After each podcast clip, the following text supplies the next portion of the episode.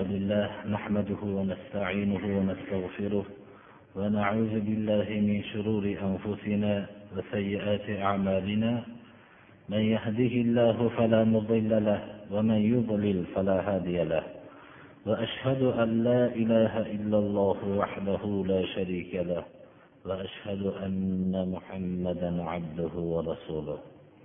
أما بعد السلام عليكم ورحمة الله وبركاته.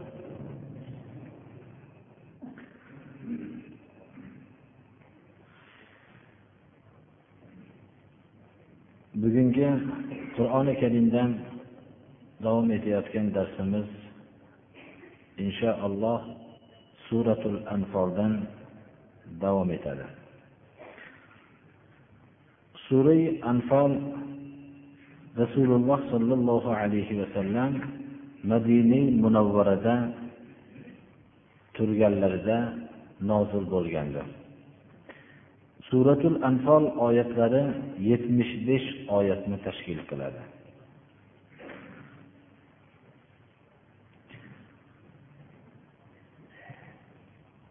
Suratul anfol anfol kalimasi g'animatlar ma'nosini bildiradi. G'animat islom bilan kufr o'rtasidagi bo'lgan jihodda musulmonlarning jihodida musulmonlarga o'zlarining g'animlarini tarafidan qo'llariga tushgan o'ljani anfol deydi. Bu g'animatlar o'tgan ummatlarga harom qilingan. O'tgan ummatlar o'zlarining dushmanlari bilan sodir bo'lgan janglarda g'animatlarni o'rtaga olib kelinganda va yaqib yuborilgan. Buni yonganligi bu yondirib tamomlangan. Rasululloh sollallohu alayhi vasallam o'zlarining sahih hadislarida besh narsaning o'zlarining imtiyozlaridan ekanligini bayon qildilarda besh narsa menga berildi mendan ilgarigi hech qaysi bir payg'ambarga berilgan emas deb shu besh narsaning bittasi g'animatlar menga halol qilindi dedilar.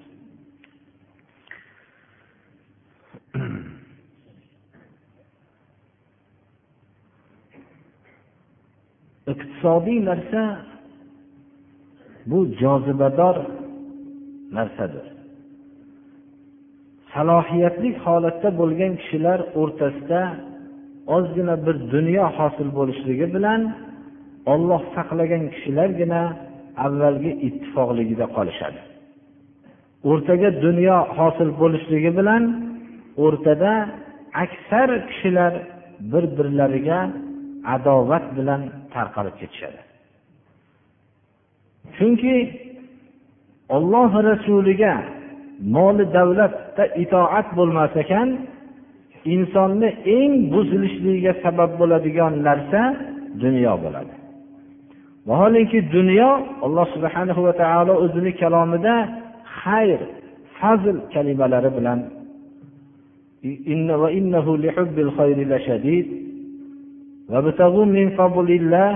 oyatlari ollohni fazli va xayr yaxshi narsa deb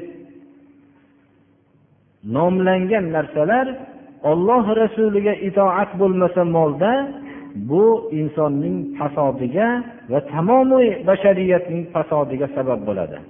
Olloh yo'li bilan yo'llanmagan iqtisodiy tarafdagi eng rivojlangan mamlakatlar mana bu narsaning misolidir birodarlar iqtisodiy tarafdan rivojlangan mamlakatlar eng axloqan buzilgan mamlakatlarga aylanib boryapti.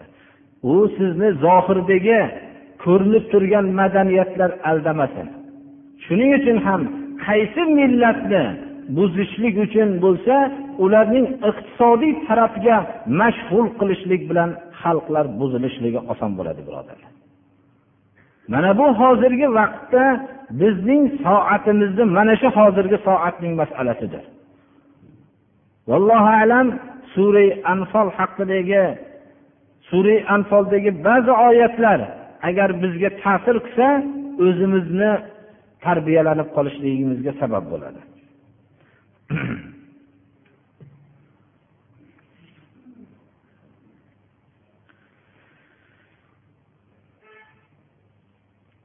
Rasululloh sollallohu alayhi vasallam makka mushriklarining haddan tashqari bergan ozorlari natijasida o'zlari va o'zlariga ergashgan sahoba ikromlar madinaga hijrat qilishlikka ollohni buyrug'ini bajarib hijrat qilishlikka majbur bo'lishdilar. Ya'ni olloh buyurdi hijrat qilinglar dedi.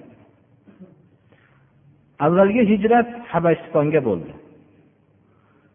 Habasistondan keyin hijrat makkaga qaytib kelingandan keyin makkadan madinaga bo'ldi.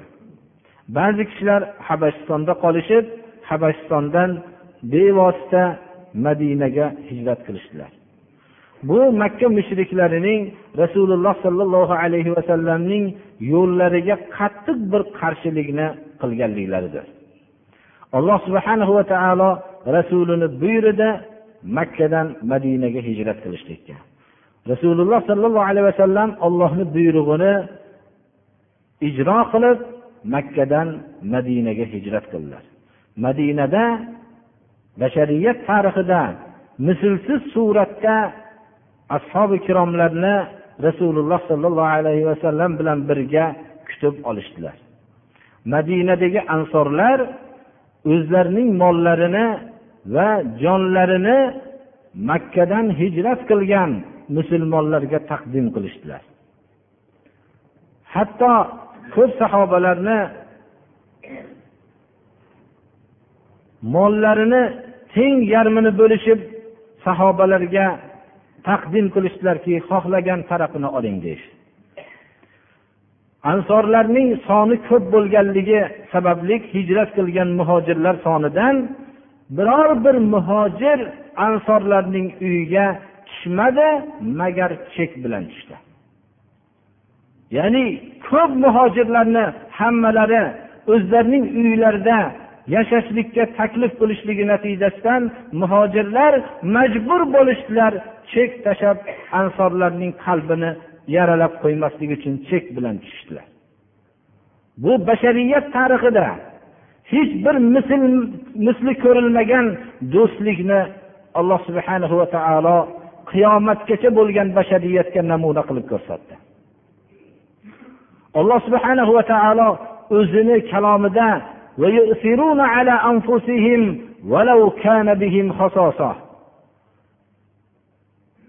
o'zlarini muhtoj bo'lib turib ham muhojirlarga mollarini taqdim qiladi deb o'zining azaliy kalomida yod qildi.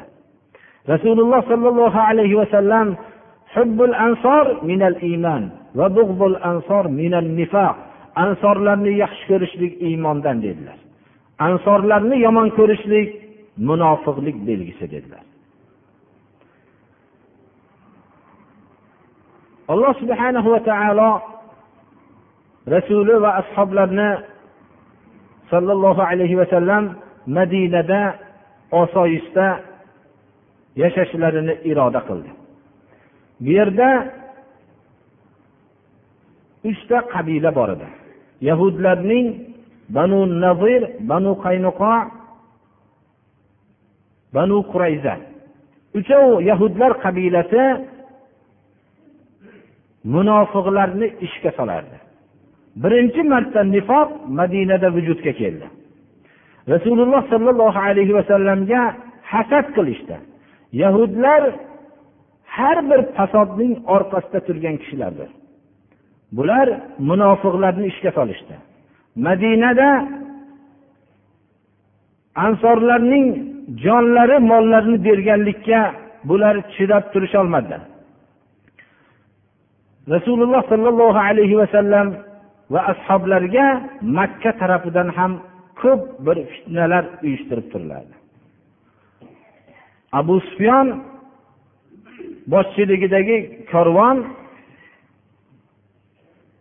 badr deb nomlangan o'rindan o'tishligini xabari o'tdi. Rasululloh sollallohu alayhi vasallam ashoblar bilan maslahat qildilarda abu sufyonning korvonini yo'lini to'sishlik haqida. Makka mushriklari sahobalarning mollarini uy joylarini tortib olishlikdan tashqari hamma mollarini tortib olishgan edi.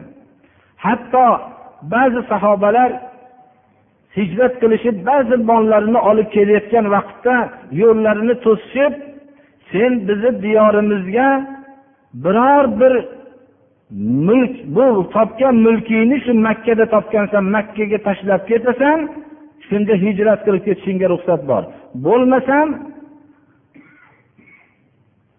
o'zing ham makkada qolasan deyishdilar molimni hammasini bersam rozimisizlar degan vaqtda hammasini bersang rozimiz mollarini tashladilarda rasululloh sollallohu alayhi vasallamning hijratlarini o'zlarinida hayotlarida tadbiq qilib payg'ambarimiz sollallohu alayhi vasallamga yetib keldilar.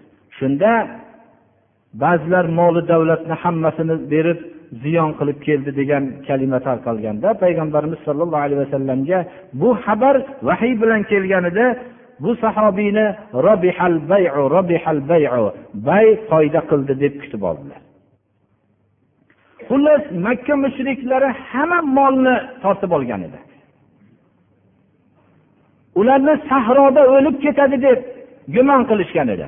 Olloh najot berdida madinaga yetib kelishdilar. Abu sufyon korvon oldi to'silishlik xabarini eshitgandan keyin makkaga xabar qildiki tez jihozlanib kelishlikka. Makkadan mingdan ko'ra ko'proq miqdordagi mushriklar tayyorgarlik ko'rib keldi. Rasululloh sollallohu alayhi vasallam bilan birga uch yuztadan ko'ra ko'proq sahobiylar bor edi. Muhojir va ansorlardan tashkil topgan edi. Mana bu badrda ro'baro' bo'lindi. Payg'ambarimiz sollallohu alayhi vasallamning gumonlarida yo'q bo'lgan hodisa vujudga keldi. U makka mushriklarining sahobalar bilan qilmoqchi bo'lgan jangi edi. Alloh subhanahu va taolo bu jangda payg'ambarimiz sollallohu alayhi vasallamga mislsiz g'alabani berdi. O'zining huzuridan maloikalarni tushirdi. Mingta maloikani tushirdi. Alloh subhanahu va taolo mo'minlarning qalbini orom bo'lib turishligi uchun. O'zining bashariyat tarixidagi mislsiz g'alabasini berdi. Payg'ambarimiz sollallohu alayhi vasallam bu yerda biz avvalgi ko'p darslarimizda bayon qilganligimiz uchun sura oli imronda ijmoliy suratda aytib ketyapmiz. O'zlarining tikilgan kapaga kirdilar va ollohga yolbordilar. Duolarni ichida qattiq bir duo qildilarki allohimma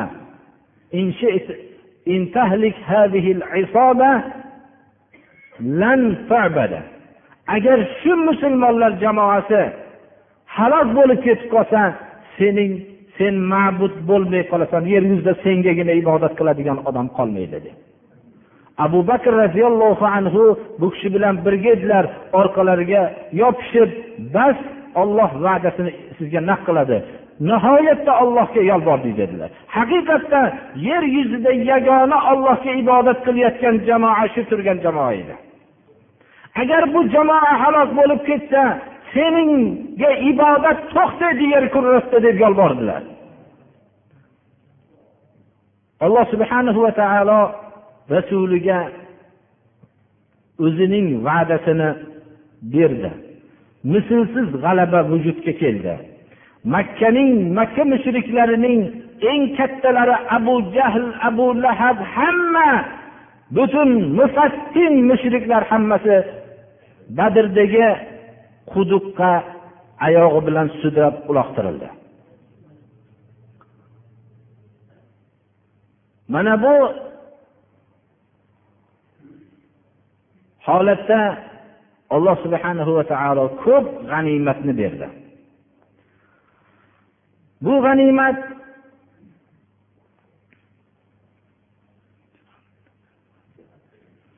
bu g'animat hali aytib o'tganimizdek har qanday insonning qalbida qiyinchilik vaqtida tozaroq bo'ladi. Ba'zi vaqtlarda inson har qanday toza bo'lsa ham o'rtada bir ba'zi bir dunyo hosil bo'lgandan keyin insonning qalbida bir ma'lum bir xatolar sodir bo'la boshlaydi.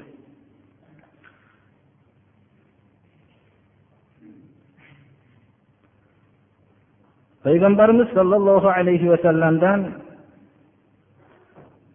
sad ibn abi vaqqos rivoyat qiladilarki badr kuni bo'lganda meni ukam umayr ham qatl qilindi ya'ni shahid qilindi.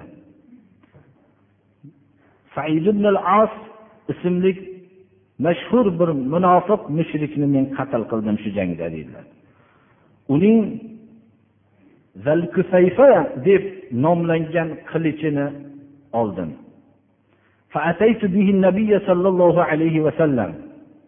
Nabiy sollallohu alayhi vasallamni oldiga olib keldim bu qilishdi rasululloh sollallohu alayhi vasallam jangda targ'ib qilgan edilarki kim bir mushrikni qatl qilsa uning ustidagi hamma narsa o'ziniki degan edilar. Mana bu ba'zilar bitta asirni olib keldi ba'zilar ikkita asirni olib keldi. Xullas hammalari o'zlarining fidokorligini bu badr g'azotida ko'rsatishdilar. Sad ibn abi vaqqos aytadilarki men said ibn al os bu mashhur bir mushrik badavlat mushrik uning qilichi mashhur zal kusayfa deb nomlangan o'zining qilichi bo'lardi. Bu qilichi nihoyatda qimmatbaho shunday qilich edi. Bu qilichni olib keldim rasululloh sollallohu alayhi vasallamga.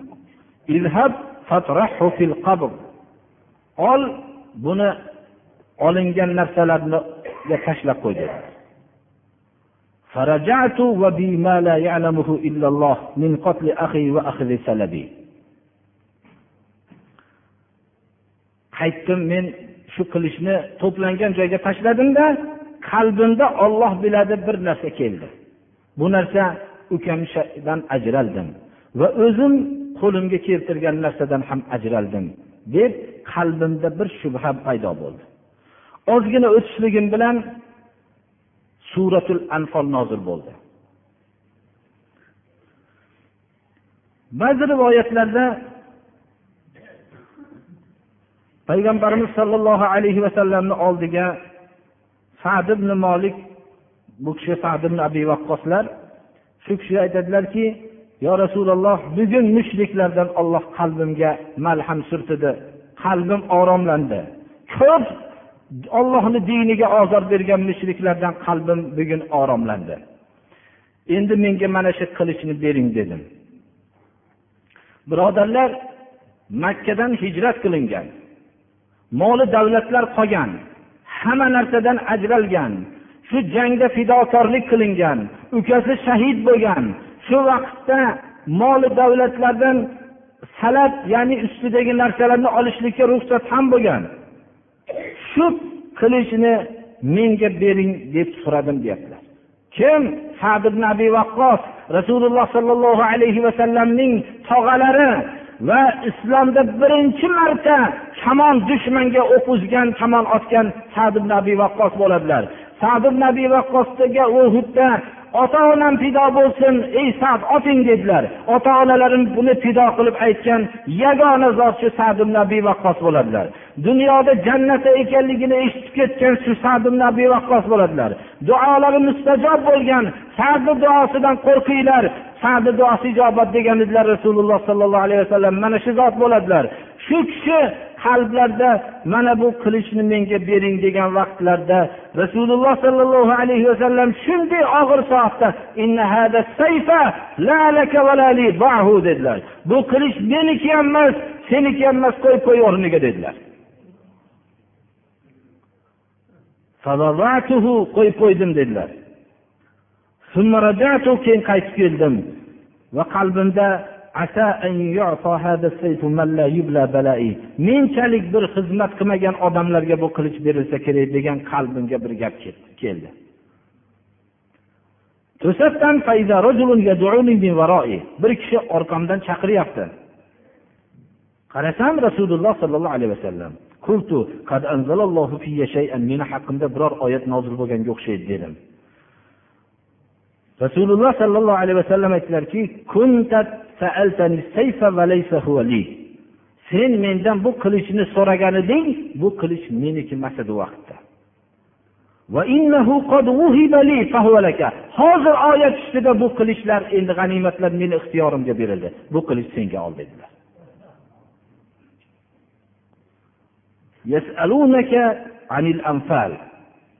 Anfollardan sizdan so'rashadi g'animatlardan. Bu g'animatlar olloh rasuliniki deb ayting. Bu yerda avvalda bu g'animatlar taqsim qilinishligidan ilgari yoshlar aytgan ediki biz jangni biz qildik g'animatlar bizga berilishi kerak degan edi. Qariyalar orqadagi vazifalarni bajarib turishgan edi. Agar chekinganinglarda bizni oldimizga kelardinglar biz himoya qilardik deyishdi. Shu vaqtda uboda aytadilarki axloqimiz buzilib qoldi. G'animat haqida biz tortishib qoldik. Shunda oyat nozil bo'ldiki g'animat ixtiyorini tamomiy bashariyat qo'ldan olib olloh o'zining va rasulini ixtiyoriga qo'yib qo'ydi. Hatto rasululloh sollallohu alayhi vasallam shu jangda eng bir matonat ko'rsatgan sad abi vaqqosga shu qilichni o'zlari olib kelganlarida bu qilich meniki emas seniki emas qo'yib qo'y joyiga dedilar. Olloh rasuliniki g'animatlar degan vaqtda endi menga berildi bu meni ixtiyorimda endi senga berishlikka haqqim bor dedilar rasululloh sollallohu alayhi vasallam mana shunday adolat bilan islom tushlangan birodarlar. Mana shu adolat yo'qolgan kundan islom orqaga ketgan. Mana shu adolat tiklanadi islom tiklanadi. Bo'lmasam musulmonlar doim xorizor bo'lib yashashaveradi.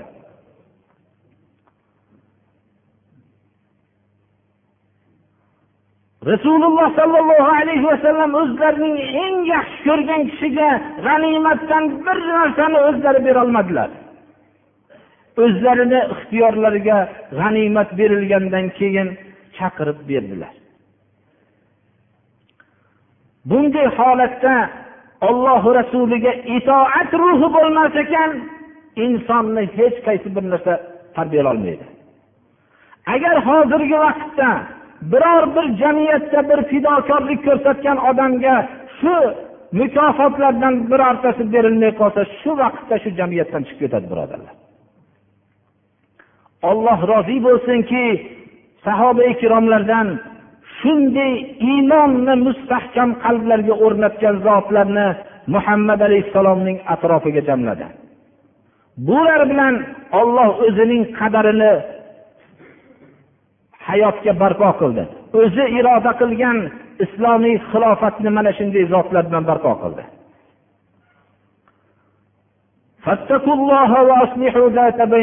Ollohdan qo'rqinglar g'animatlar olloh rasuliniki. Va o'rtanglarni tuzatinglar.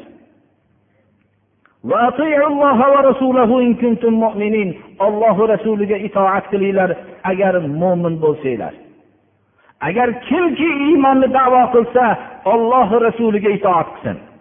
Bo'lmasam u iymonni davo qilishligida kazzob bo'ladi birodarlar. Iymon bu mizojiy masala emas. Olloh rasuliga itoat qilishlik yigirma to'rt soatlik hayotda alloh rasuliga itoat qilishlik bu iymondir. Alloh subhanahu va taolo ashobi ikromlarni tarbiya qilmoqchi bo'ldi. Madinada islom hukumati barpo bo'ldi. Bu hukumat soyasiga butun dunyoning g'animatlari jamlanishligini olloh iroda qilgan edi. Mana bu jamlangan vaqtda endi og'ir imtihonga ashoblar uchrashligi bor edi. Mana bu imtihonning birinchi bosqichida alloh taolo qattiq bir dars berdi. Imtihon qiyinchilik vaqtlarida ozgina narsa yetib oshadi. Odamlarning qalbi toza bo'ladi ammo dunyo kelgan vaqtda odamlarning axloqi buzila boshlaydi. Hozirgi turgan vaqtimizdan avvalgi vaqtimizda juda muhtoj edik. Lekin hozir dunyo kelgandan keyin qalblar buzildi birodarlar. Baxillik kuchaydi. Odamlardan ixlos yo'qoldi mana bu shaytonning umid qilgan orzusi edi bu. Mana bu shayton ham maqsadiga yetdi odamlarning qalbini buzilishligi bilan. Buning yagona yo'li ollohdan qo'rqinglar va o'rtanglarni tuzatinglar. Olloh rasuliga itoat qilinglar agar mo'min bo'lsanglar. Mana bu narsa bilan o'nglanadi. إنما المؤمنون الذين إذا ذكر الله وجلت قلوبهم وإذا تليت عليهم آياته زادتهم إيمانا وعلى ربهم يتوكلون haqiqiy mo'minlar kimlar mo'minlar ollohni zikr qilinganda olloh bunday buyuryapti olloh bunday dedi olloh bundan qaytaryapti degan vaqtda qalblari titraydi ollohni buyrug'i keldi deydi Ularga ollohning oyatlari tilovat qilinsa bu oyatlar ularga iymonni ziyoda qiladi. Iymonni kuchaytiradi. Ollohning oyatlari qur'on tilovat qilinishligi insonga iymon bag'ishlashi kerak. Mana bu mo'minlarning sifatidir.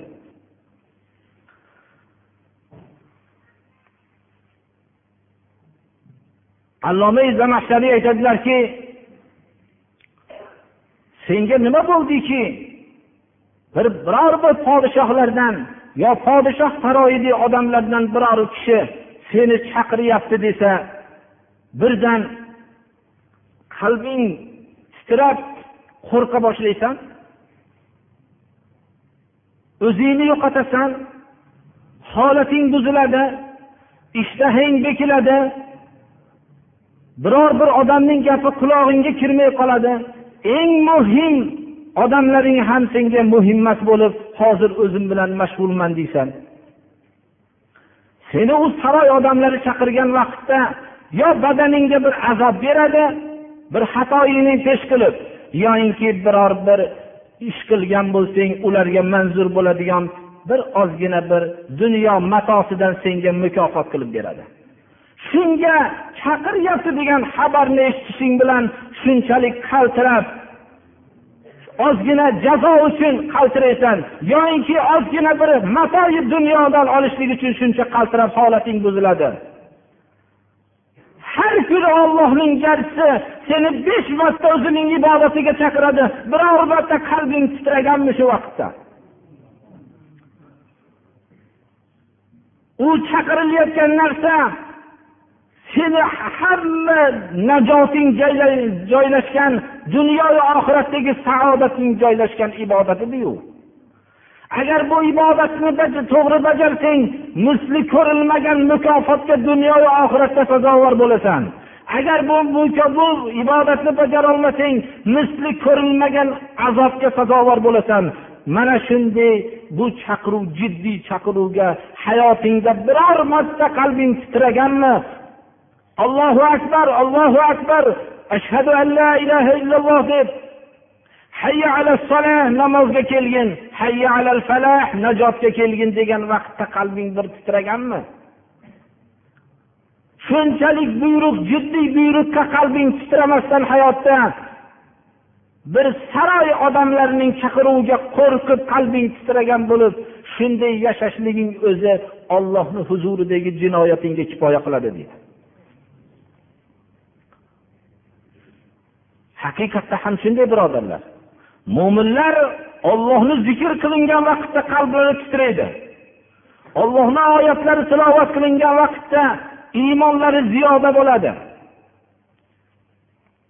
Ali ibn abi solib namozdan ilgari bir ranglari o'zgarar ekan.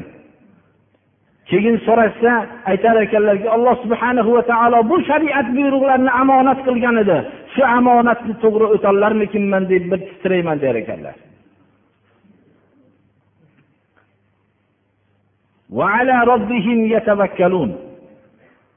Robbilarigagina tavakkul qilib ish qilishadilar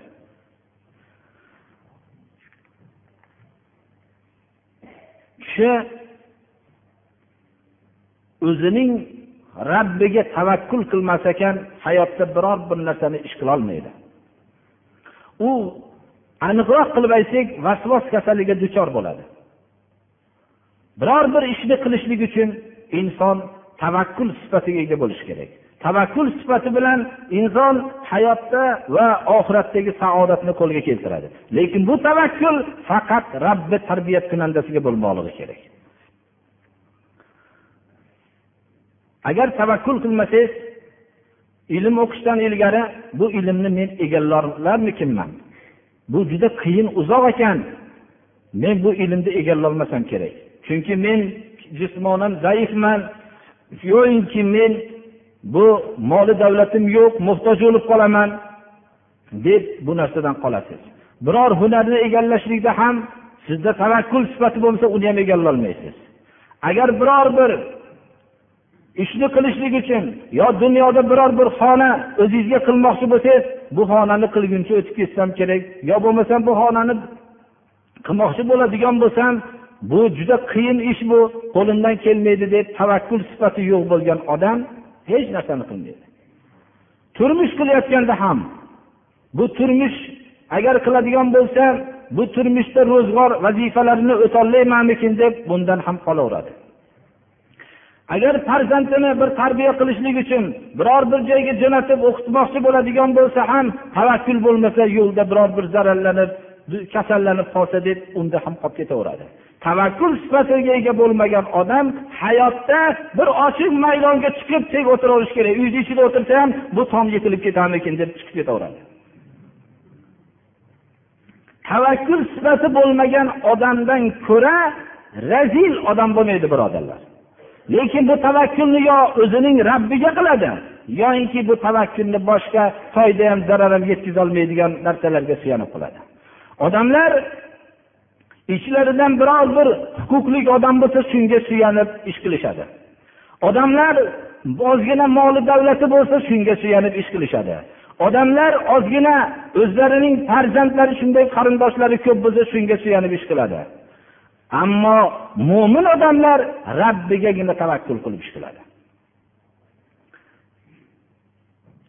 tavakkul ma'nosi nima? Ollohga hech bir narsani sharik qilishmaydi yordam so'rayotganda. Ollohdan boshqadan umid qilishmaydi. Ollohdan boshqani qasd qilmaydi. Ollohdan boshqadan panoh istamaydi. Ollohdan boshqadan hojatlarini talab qilmaydi. Ollohdan boshqaga moyil bo'lmaydi. Olloh xohlagan narsa bo'ladi. Olloh xohlamagan narsa bo'lmaydi deb aniq biladi. Olloh butun koinoti yerni boshqaruvchi zot deydi. Ollohni hukmini qaytaruvchi zot yo'q deydi. Mana bu narsa tavakkul iymonning hammasini o'z ichiga oluvchi ma'nodir birodarlar. Shuning uchun mo'minlar kimlar? Rabbigagina tavakkul qilgan kishilardir.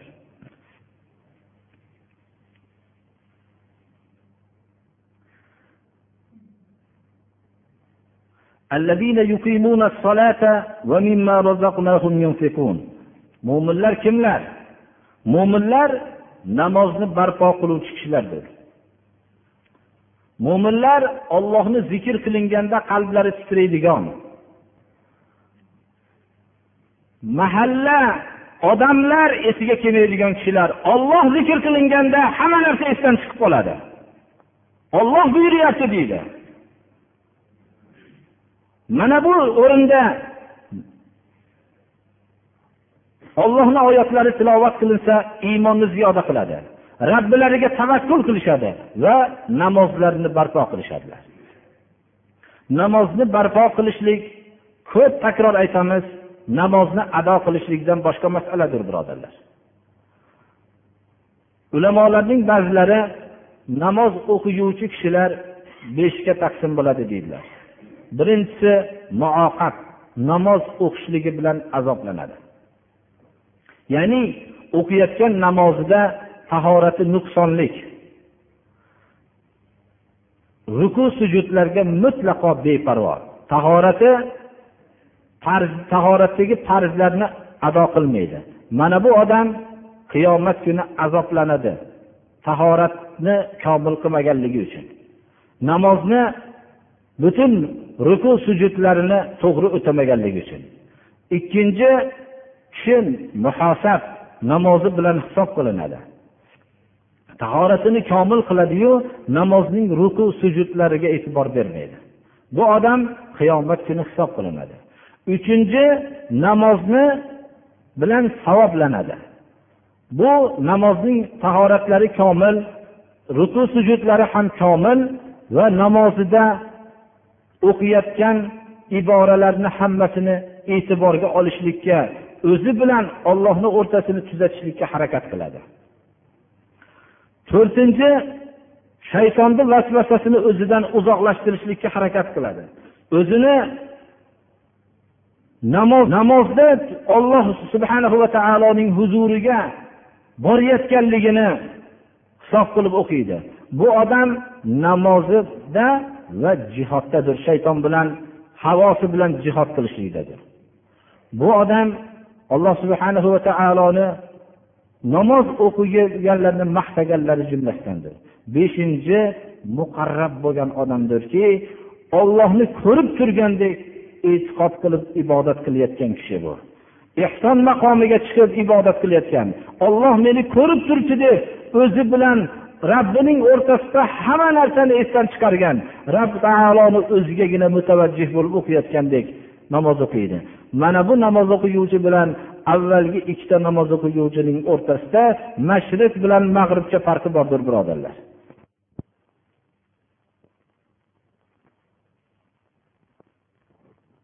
Haqiqiy mo'minlar ham namozni barpo qilishadilar.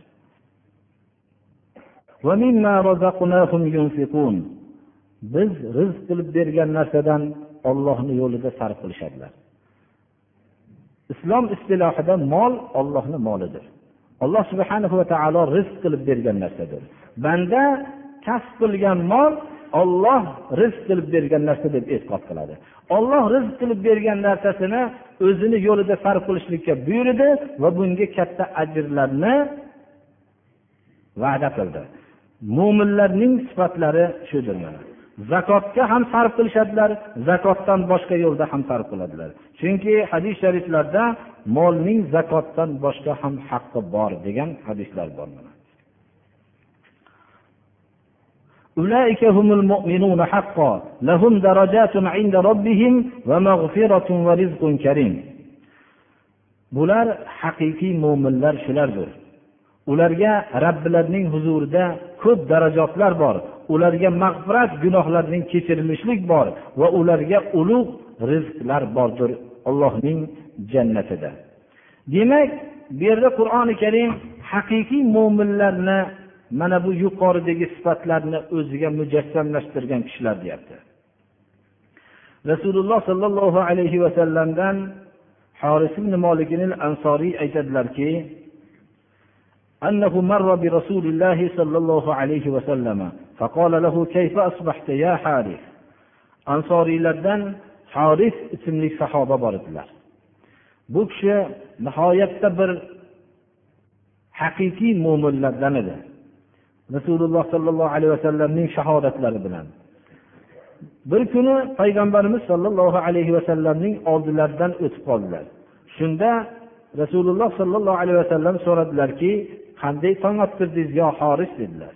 Shunda bu kishi asbahtu mu'minan haqqan haqiqiy mo'min bo'lib tong ottirdim dedilar nima deyayotganligingni bir qarab ko'r nima deyapsan o'ylab gapingni o'yla dedilar.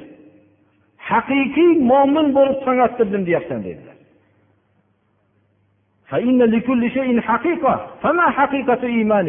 Har bir narsaning haqiqati bo'ladi iymonning ham haqiqati bor seni iymoningni haqiqati nima haqiqiy mo'min bo'lib tong ottirdim deyapsan dedilar قال عززت نفسي عن الدنيا فأسهرت الليل وأظمأت نهاري وكأني أنظر إلى عرش ربي بارزا وكأني أنظر إلى أهل الجنة يتزاورون فيها وكأني أنظر إلى أهل النار يتضاغون فيها.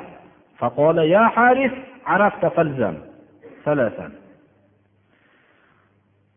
Bu kishi aytdilarki javobiga xoris roziyallohu anhu o'zimni dunyodan tiydim dedilar.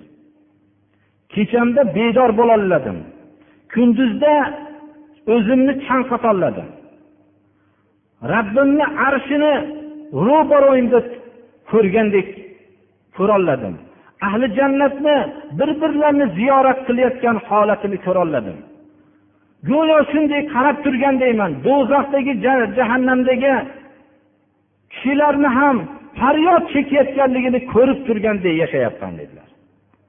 Iymonimni haqiqati shu dedilar. Ya'ni o'zimda shunday bir hassoslikni o'rnatdimki rabbimni ko'rib turganday ahli jannatlarni bir birlarini ziyorat qilib quvonib turganligini ko'rib turganday va ahli jahannamni faryod chekib nadomatlar qilayotganligini ko'rib turganday hassoslik tuyg'usini o'zimda uyg'otdim dedilar. O'zimni tarbiyalab mana shunday holatga o'zimni olib chiqolmadim dedilar. Har bir amalimni qilayotgan vaqtimda jannatga qarab do'zaxga qarab turib amal qilgandek tuyg'uni o'zimga tikladim dedilar. Payg'ambarimiz sollallohu alayhi vasallam iymonni bilib siz mahkam ushlang deb uch marta aytdilar. Haqiqiy mo'minlar o'zini hayotini yigirma to'rt soatini ollohni buyrug'iga muvofiq ollohni ko'rib turgandek yasharlagan kishilardir. Biror bir gunoh oldida bo'lganda bu gunoh mana bu jahannamga olib boradi deb jahannamni o'zini oldida mujassamlashtirolmagandek. Biror bir yaxshi amal bo'lganda buni qilmayotgan vaqtida men mana shunday go'zal jannatdan o'zim qochyapman bu amalni qilmaslik bilan degan hassoslik tuyg'usini o'zida mujassamlashtirgan kishilar iymonning haqiqati nasib bo'lgan kishilardir. Bu ne'mat nasib bo'lganda boshqa bir narsaga almashtirib qo'ymaslik kerak. Rasululloh sollallohu alayhi vasallam horis ibn molikka aytdilarki dedilar. Bilib siz iymonning haqiqatini mahkam ushlang dedilar. Uch marta aytdilar.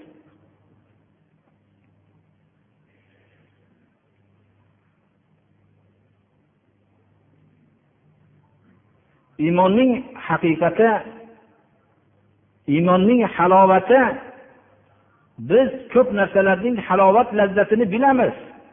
Yumshoq ko'rpalarning lazzatini bilamiz. Yumshoq hayotlarning lazzatini bilamiz. Yumshoq hamma narsaning maishat sabablarini hammasini bilamiz. Ammo iymonning halovatini bizga nasib bo'lmayapti birodarlar. Bu halovatni bir tatigan odam dunyodagi hamma narsaning lazzatidan shirin bir lazzatga ega bo'ladi. Uch narsa borki kimda bu uch narsa bo'lsa iymonning halovatini tatiydi. Kim iymonini lazzati menda bo'lsin deb lazzatni tatimoqchi bo'lsa shu uchta sifatni o'zida mujassamlashtirsin. Olloh rasuli hamma narsadan suyimli bo'lsin. Olloh rasuli shu buyruq qilyapti deganda mahalla bunday deyapti deganda olloh rasulini suyimli bo'lsin. Olloh rasuli bu buyruqni qilyapti desa qarindoshlar bunday deyapti desa demasin. Olloh rasuli bu buyruqni qilyapti desa xalqlar bunday deyaptiyu demasin. Olloh rasuli bu buyruqni qilyapti desa o'tgan ajdodlar bunday qilmagan edi demasin. Modomiki olloh rasuli boshqa hamma narsadan suyimli bo'lmaguncha iymonning halovati nasib bo'lmay ketadi birodarlar ikkinchisi birovni faqat olloh uchun yaxshi ko'rmoqlik. Abu hurayra roziyallohu anhuga bir kishi kelib yo abu hurayra sizni olloh uchun yaxshi ko'raman dedilar. Dedilar. Nima deyayotganingni bir o'ylab olgin dedilar. Olloh uchun yaxshi ko'raman men sizni dedilar.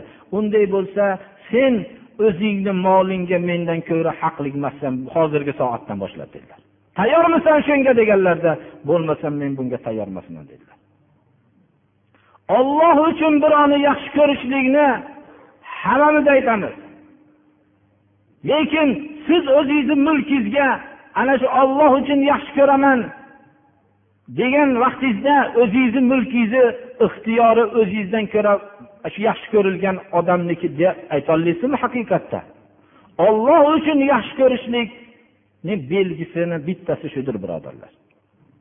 Qachonki yaxshi shariatga muvofiq ish bo'lsa yordam berib shariatga zid bo'lsa kim bo'lishligidan qat'iy nazar yordam bermasdan qaytarishlikdir bu olloh uchun yaxshi ko'rishlikni sharti. Bizni davrimizda olloh uchun yaxshi ko'radigan tildagi birodarlar juda ko'p. Lekin olloh uchun yaxshi ko'rishlikning sharti shudir. modomiki bir kishida olloh uchun yaxshi ko'rishlik sifati birovni yaxshi ko'rolmagan bo'lsa iymonning halovati unga nasib bo'lmaydi. Uchinchisi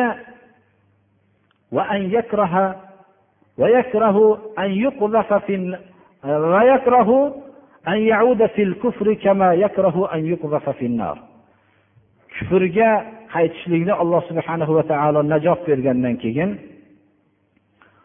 وأن يكره أن يعود في الكفر بعد إذ أنقذه الله كما يكره أن يلقى في النار kufrdan olloh najot bergandan keyin o'tga uloqtirilishlikni hayoliga keltirganda qanday xohlamasa kufrga qaytishlikni shunday xohlamaydigan bir jirkanch holat vujudga kelmaguncha iymonning halovati nasib bo'lmaydi dedilar hozirgi vaqtda hayotini barbod qilgan malol kelsa ham aytamiz ko'p kishilar hayotlarida bir yaxshi ish qilmagan shariatga muvofiq yashamagan. Shariatga muvofiq yashamasdan endi o'zini holatiga nadomat qilib yangi islomni qabul qilib islom yo'lida yaxshi bir ishlar qilayotgan vaqtda ilgari mahallalarda kattaroq hurmatga soxta hurmatga ega bo'lib yurgan vaqtida endi islomni qabul qilgandan keyin ham biror bir haqni aytilsa sen bu narsani qilmaysan deb qarshilik qiladigan kishilar ko'p. Ular aytishlari kerakki masalani ham shulardan so'rashadi ko'p odamlar. Ular so'ralgan vaqtida aytish kerakki biz hayotimizni barbod qilyapmiz bizda ilm yo'q bizdan tashvishlanmanglar biz nopok yo'llarda yurganmiz bu narsani haqni biladigan odamdan so'ranglar. Deyish o'rniga balki islomni ham men bilaman deb qarshilik qiladigan kishilar ko'p. Agar bu gaplarimni qabul qilmasang men avvalgi holatimga qaytib ketaveraman deydigan odamlar ko'p. Hozirgi vaqtda birodarlar ko'p mahallalarda dinni bilmagan odamlar boshliq bo'lib qolgan bu odamlar qur'onni ma'nosini ham shu aytmoqchi bo'ladi. Hadislarni ma'nosini ham shu aytmoqchi bo'ladi. U aytishlik kerakki so'ralgan vaqtda men hayotimda bir yaxshi ishlar qilmaganman mendan so'ramanglar bu narsani deyish kerak.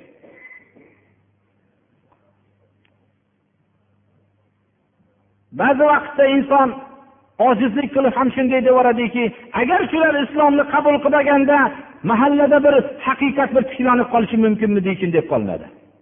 Chunki ular noto'g'ri yo'llar bilan ham haqqa qarshilik qilishlikni boshlaydi. O'tgan hayotida namoz o'qimasdan din bilan kurashib kelgan bo'lsa endi namoz o'qib turib namozxon bo'lib din bilan kurashadi. Mana bu narsa iymonning halovatidan mutlaqo ulush olmagan kishilarning hayotidir. Biz havodan voz kechishligimiz kerak. Qaysi narsa olloh rasulini so'zi bo'lsa mana shu so'zni aytgan odam haq demoqligimiz kerak. U odam kim bo'lishligidan qat'iy nazar. Agarchi bugun musulmon bo'lgan bo'lsa ham.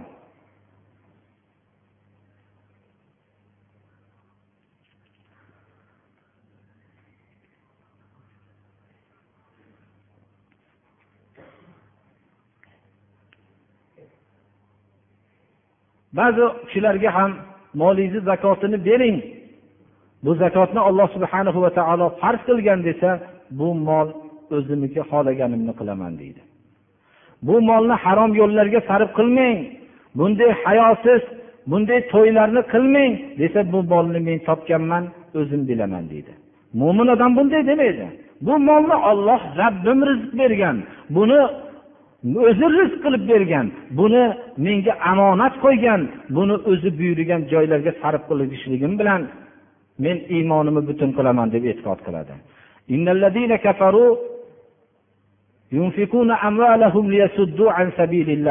Kofirlarni sifatlarini bittasini alloh subhana va taolo aytyaptiki mollarini sarf qiladi ollohni yo'lini to'sishlik uchun deb. Odamlarni dindan chiqarishlik uchun mollarni sarf qiladigan kimlar? Dinsizlar deyapti alloh taolo. Ba'zi bir kishilar mollarini sarf qiladiki shu mahalladagi yoshlarni buzishlik uchun sarf qiladi. Ularga hayosiz bir ko'rsatadigan targ'ibot vositalarini olib kelib ko'rsatadi. Ular ollohni yo'lini to'sishlik uchun sarf qilayotgan bu odamlarning kofirlarni sifati deb alloh taolo bayon qilyapti. Qaysi narsa islomga zid bo'ladigan bo'lsa shu narsalarning rivojlantirishlik uchun mollarni sarf qilayotgan odamlarni alloh taolo kofirlarni sifati shunday bo'ladi deyapti. Ollohni yo'lini to'sishlik uchun sarf qilishadi deyishadi. Shunaqa vaqtlarda ba'zi bir iymonli kishilar biror bir mahallada ma'siyat uchun mol jamlanayotgan vaqtda meni molim yo'q desam yolg'on gapirgan bo'laman. Molimni bersam ollohga osiy bo'laman. Men bu narsa uchun berishlikdan ollohdan qo'rqaman demoqligi kerak. Bilsinki bir islomning bitta haqiqati bir ko'rinsin shu narsa. Biz ummat islom ummati biz guvoh ummatmiz birodarlar. Ollohni yo'liga zid bo'lgan yo'lga ollohni yo'lini to'sishlikka moli davlatlarni sarf qilishlik bu kofirlarning sifatidir.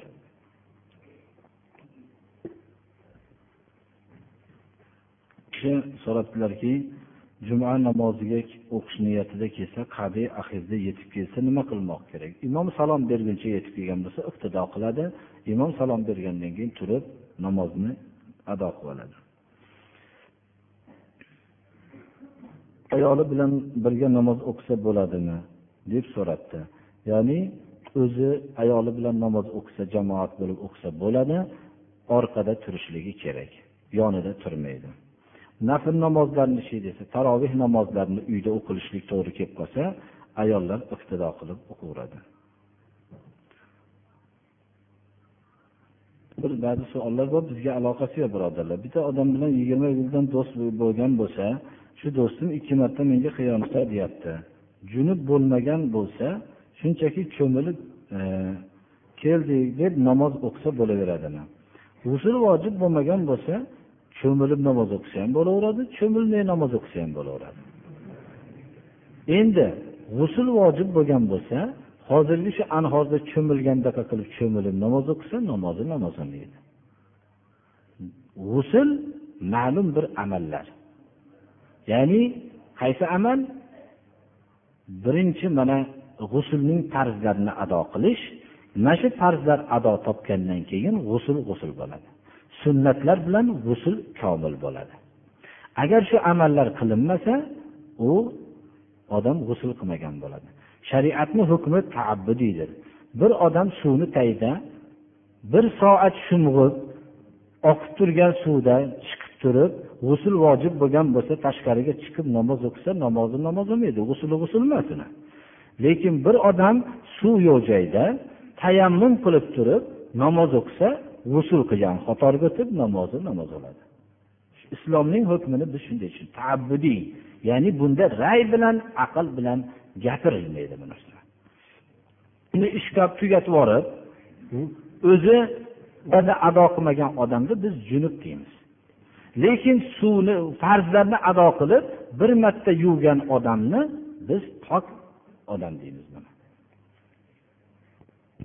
savollarning badanida jonzotlarni ya'ni sher har xil yo'lbars boshqa narsalarni rasmi bo'lsa shularni nima qilish kerak degan nima debdilar. Birinchi bu johiliyat davrida qilib qo'yilganligi uchun bunga istig'for aytishligi kerak. U narsani olib tashlashlikni iloji yo'q. O'chirib tashlashlikni iloji bo'lsa o'chirib tashlashlik kerak yo'qotib lekin o'zi shunday qilgan odamlar o'zi bilib turib qilgan bo'lsa gunohkor bo'ladi. Bilmay qilgan johiliyat davridagisiga istig'for aytadi. Allohdan panoh istab gunohlariga bir istig'for aytadi. Nikoh to'ylari qilinyapti o'g'il bolalar o'rtasida bo'lyaptiyu ammo qizlarni to'ylarda xususan deb qizlar tomonidan xat yozilibdi. Bu xushvaqtlik o'tishlik uchun sunnatga muvofiq bo'lishi uchun maslahat berilsa bunda bular har xil g'ino kuylardan foydalanishyapti. Bu narsalar to'g'rimi noto'g'rimi dedilar. Shariati islomiya o'g'il bola va qiz bolalarga er va ayolga bir xil hukmni buyurgan ayollarga xos bo'lgan masalalarda xos masalalarni aytgan. Bu g'ino erlarga ham ayollarga ham haromdir bu. G'ino faqat turmush qilish to'yida daf bilan e'lon qilishlikka o'zlariga xos bo'ladi. Daf deb kichkina bir hozirgi bizni tilimiz bilan tushuntirmachani aytib o'zlarini ichida bu narsani bir nikohni e'lon qilib kirib ketishlik bu narsa ruxsat bo'ladi lekin bundan har xil bir fitnaga sabab bo'ladigan kuylar boshqa narsalarni aytish va shu narsalardan har xil o'yin kulgilar qilinishlik islomda yo'q birodarlar. Nikohni e'lon qilib qo'yishlik uchun shunga ruxsat berilingan e, ilm bilan islomni o'rganib shuni tushuntirishlik bilan bo'ladi. Ba'zi bir kishilar aslida islomda bir darsga ruxsat boru bir narsani chalishga deb o'zlari hech bir haligi shariatda yo'q narsalarni ham o'zlariga pesh qilib olishlari to'g'ri kelmaydi. Birodarlar bir narsa odat bo'lib uchun bilinmaydi. Masalan bir o'zinglar bir muhitga chiqib turib aytinglar bir odamni eshigini tagidan biror piyola choy ichib shuni bir muborak bo'lsin to'yingiz deb kirib ketishlik uchun turgan ikkita bola chaqali kap katta odamlarni kannayda olib turib qattiq cholib og'zilarini ishirib shunaqa qilib cholayotganligini bunday bir o'zingizni tashqariga qaratib turib xolis qalb bilan bir qarasangiz hijolat bo'lib peshanangiz terlab ketishi kerak. Nima uchun cholyapti? Deb bir savol qiling. Ha endi odamlar qilgani uchun qilyaptida deyishdan boshqa gap yo'q. Ho'p nima uchun? Sizni kasalingizni birov aytdimiki shu kannadek qattiq bir tovush bilan qalbingizda bir tosh o'rnab qolganda cho'chish natijasida shu chiqib ketadi deb yo birov bir narsani aytdimi hatto buni bir boshqa bunday tekshirib qarasangiz bir odam aslida ko'p odamlar buni tushuntirishlikni menimcha shunday deb bilaman. Ba'zi kishilar farzand ko'rmagan ba'zi bir bir farzand ko'rgan davlatmand kishilar shu odamlarni bir ko'p bir ziyofat qilib shu farzand ko'rganligimga aqiqa qilib deb bir kannayni ba'zi odamlar choldirganki shu kannay cholingan joygacha bo'lgan masofada odamlar kelsin deb shularni ko'pchiligini chaqiraydi. Eshigingizni ochib chaqirib ketsa to'yga deb xat qilib bersa eshikdan endi o'zingiz keldingiz kelganingizdan keyin sizga do'layib olib buni cholaversa bu endi bunday o'ylab ko'ring aql tarozisiga bir solib ko'ring bu juda bir tushkunlik bu hamma dushmanlar kuladigan narsa. Bu narsani bir jinday hijolat bo'lishligi kerak hali shariatdan tashqari bir o'ylab ko'ring. Yo bir tinch o'tirmasangiz yo maqsad shu oshni ozroq yeb chiqib ketishligingizmi? Nima bu maqsad? Aytinglar ey odamlar deb aytinglar shuni. Voy odamlar sizlar nima turibsizlar bu yerda? Buni nimaga chiqolyapsizlar bizga? deb bir savol qiling bir ma'no yo'q bu narsada birodarlar. Bu millat hech o'nglanmaydi bunaqa bir tushkun millat. Hech bir narsa yo'q o'zi to'planish qiyin bir to'planishlikda hech kim hech kimga quloq solmasa. Bir hayosiz she'rlarni aytilsa bu yerda ammalari bor ko'pini xolalari bor volidalari bor birga o'tiriladi. Shunday ayol kishining eng hayosiz joylarini tasvirlagan baytlarni aytib tursa bu odam hijolat bo'lib ketishi kerak. Menga javob deb qochib chiqib ketishi kerak sal g'ururi bo'lgan odam. Bu juda bir hayosiz bir she'rlarni aytilishligidan bir tortinilishi kerak buni.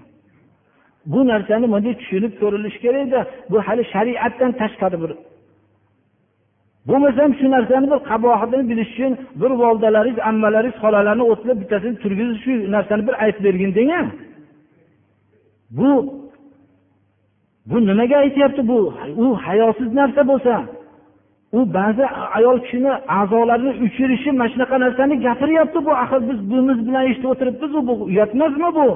Degan narsani bir o'ylashlik kerak bir odam.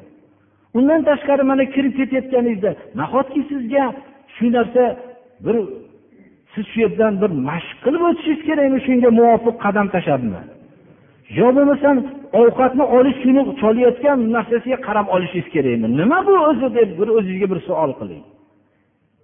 Mana shu narsalarni o'zi bir savol qilinsa hech bir ma'nosi yo'q narsalarni agar sizni chaqirishlik uchun bo'lsa shu yerdagiga keldingiz. Misol har bir narsani bir tushunishlik kerak bu narsani. Bu juda bir hijolat bo'lishligi kerak. Undan tashqari bola chaqali odamlar shu narsa bilan shug'ullanayotgan odamlar. Mayli shu narsani bir hikmati bo'lsa biz ham bilaylik shuni. Bola chaqali odam u farzandlari ham o'ylasa bu dadamizni mana shu yerda turib biz cholayotganda hijolat bo'lib ketamiz biz deb. Shunaqa deb tortinadigan bir narsa bu o'zi. Shuning uchun mana yerda bir uzunroq savol qilibdi bu narsani asl islomni o'zi shunday xorizor bo'lib turgan vaqtda ozgina bahonalar bilan bunday qilishlik bunaqa nifoq bilan gapirmaslik kerak to'g'ri gapirishlik kerak. Islomda shu narsa bormi? Qani ayting demasam deyish kerak. Payg'ambarimiz sollallohu alayhi vasallam kirgan uyda turganlarda oysha onamizni hujralarida ikkita bir qizcha bir dafni dafni birodarlar shu kaftdan kattaroq bir chalinadigan childirmachani aytadi. Shuni idlarida cholib turgan ekan. Shunda bir kishi abu bakr roziyallohu anhu kirib g'azablanib zajr qilganlarida qo'y abu bakr o'zlarini idda bir o'tirishibdi degan ekanlar. Shu bilan endi hamma cholg'u asbobiyu hamma hayosizligu hamma narsaga ruxsat deb olishlik to'g'ri keladimi shuni birodarlar? Shu narsa bir marta bo'lgan. U ham bir odamlar jamlangan joy emas. Shunaqa bir narsalarni hujjat qilib shariatga bir xilof bo'ladigan narsalarga yo'l topib bermasligimiz kerak. Biz aytishligimiz kerak bir odam mo'minman desa gap shu mo'min emasman men jahannamga o'tin bo'lsam bo'laveraman desa biz u bilan ishimiz yo'q nima qilsa qilaversin. Lekin islomga to'ngaktirib qilmasin bu narsani. Ko'p odamlar mana devonalik qilishadi.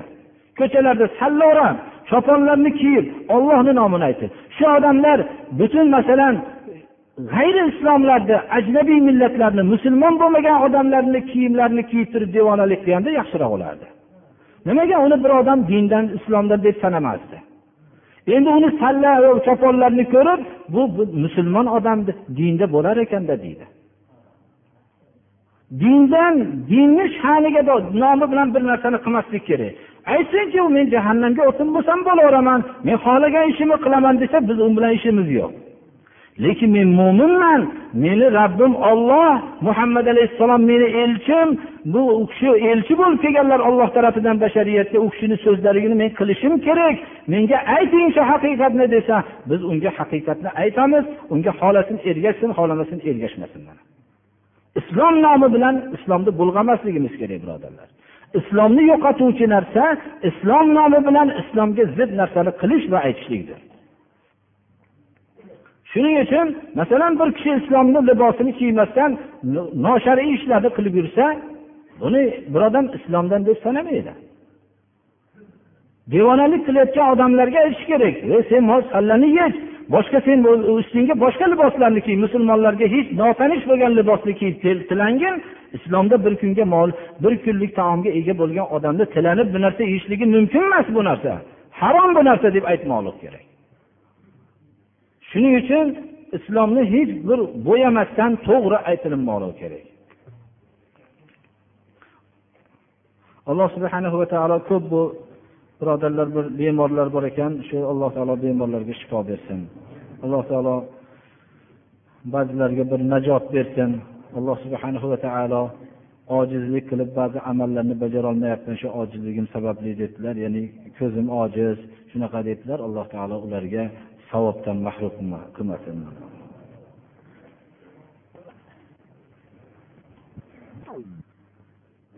alloh subhanahu va taolo qur'oni karimda لقد كان لكم في رسول الله أسوة حسنة لمن كان يرجو الله واليوم الآخر وذكر الله كثيرا bu oyatda alloh subhanahu va taolo sizlarga rasululloh sollallohu alayhi vasallamda namunalik borki kimga ya'ni rasululloh sollallohu alayhi vasallam sizlarga namuna ollohi va qiyomat kunini umid qilgan odamlarga va ollohni ko'p yod qilgan odamlar o'zlariga namuna qilib payg'ambarimiz sollallohu alayhi vasallamni olishadilar. Payg'ambarimiz sollallohu alayhi vasallamning bizga hayotimizda har bir narsada bu kishi namunalar. Bu yerdan biz bir qisqacha doiylik haqida namuna bo'lishliklariga to'xtab o'tamiz. Qur'oni karimda payg'ambarimiz sollallohu alayhi vasallamni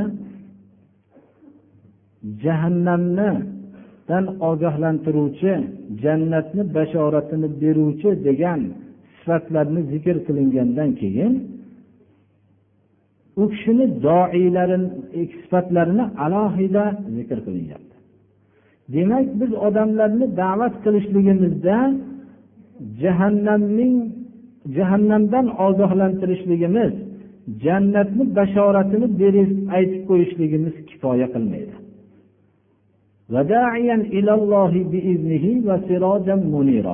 Olloh tarafiga ollohni izni bilan da'vat qilishlik holatida jo'natdik va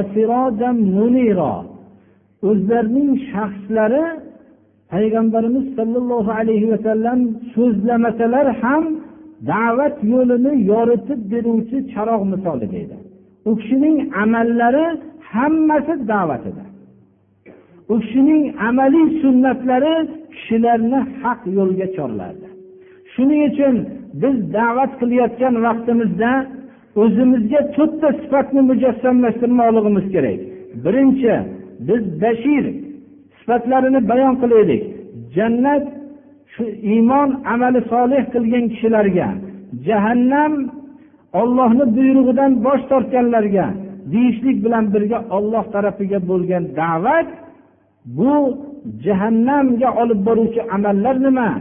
Jannatga olib boruvchi amallar nima ekanligini ollohni izni bilan ya'ni ollohni ko'rsatmasiga muqayyat bo'lgan holatda chaqirmoqligimiz kerak. O'zimizni bir ra'yimiz aqlimiz yo havoyimiz bilan chaqirmasligimiz kerak. Faqat olloh tarafiga chaqirmoqligimiz kerak. O'zimizni shaxsiy fikrimizga yoinki havoyimizga yo o'zimizni manfaatimizga chaqirmasligimiz kerak. Ollohni izni bilanki ollohning ko'rsatmasi asosida bo'lmoqligi kerak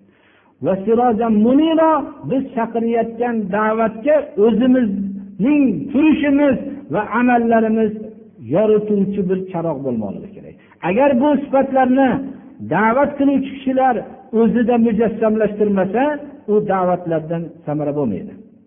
Da'vatning ta'siri qur'oni karimda ادع إلى سبيل ربك بالحكمة والموعظة الحسنة وجادلهم بالتي هي أحسن birinchi hikmat bilan chaqiramiz hikmat butun mufassirlarni tafsiri bo'yicha hadisdir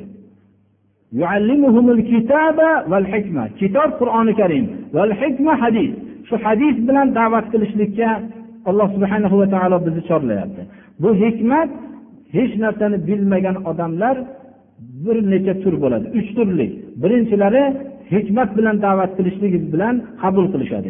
Ikkinchilari osonlikcha qabul qilmaydi. Bularga biz yaxshi maviza bilan da'vat qilmoqligimiz kerak. Agar yaxshi maviza bilan ta'sirlanmasa o'zining jahlida murakkab turib qolgan bo'lsa shunda biz yaxshi munosabat bilan munozara qilamiz. Ana bu munozara sababli u ta'sirlanmasa ham atrofidagi kishilar ta'sirlanib qoladi. Bu da'vatning bir bosqichlarini uchtasidir bu uchoviga ishora qilib qur'oni karim mana bu joyda aytyapti. Da'vat har bir otaning farzandiga bo'lgan nasihati bo'lmoqligi kerak. Luqmoni hakim o'zlarini farzandlariga bu nasihat qilayotganda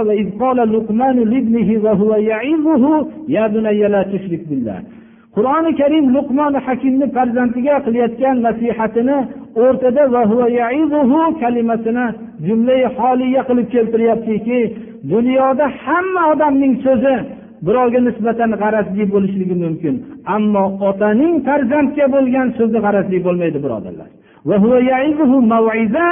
Xolis bir nasihatni aytiladi.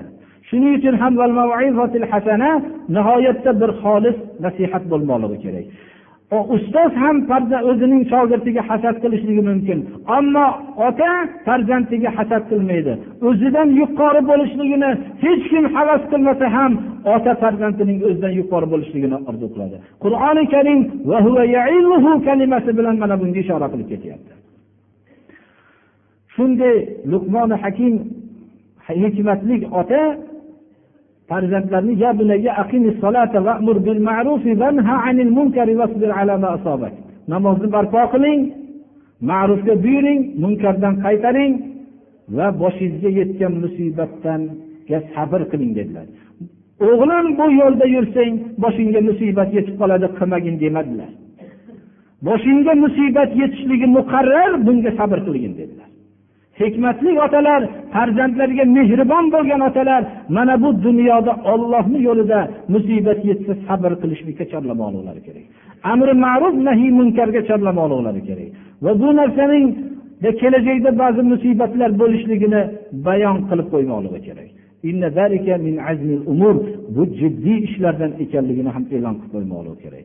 Alloh subhana va taolo rasululloh sollallohu alayhi vasallam va o'tgan payg'ambarlarni hammalarini olloh yo'liga da'vat qilib chaqiruvchi kishilar qilib jo'natdi.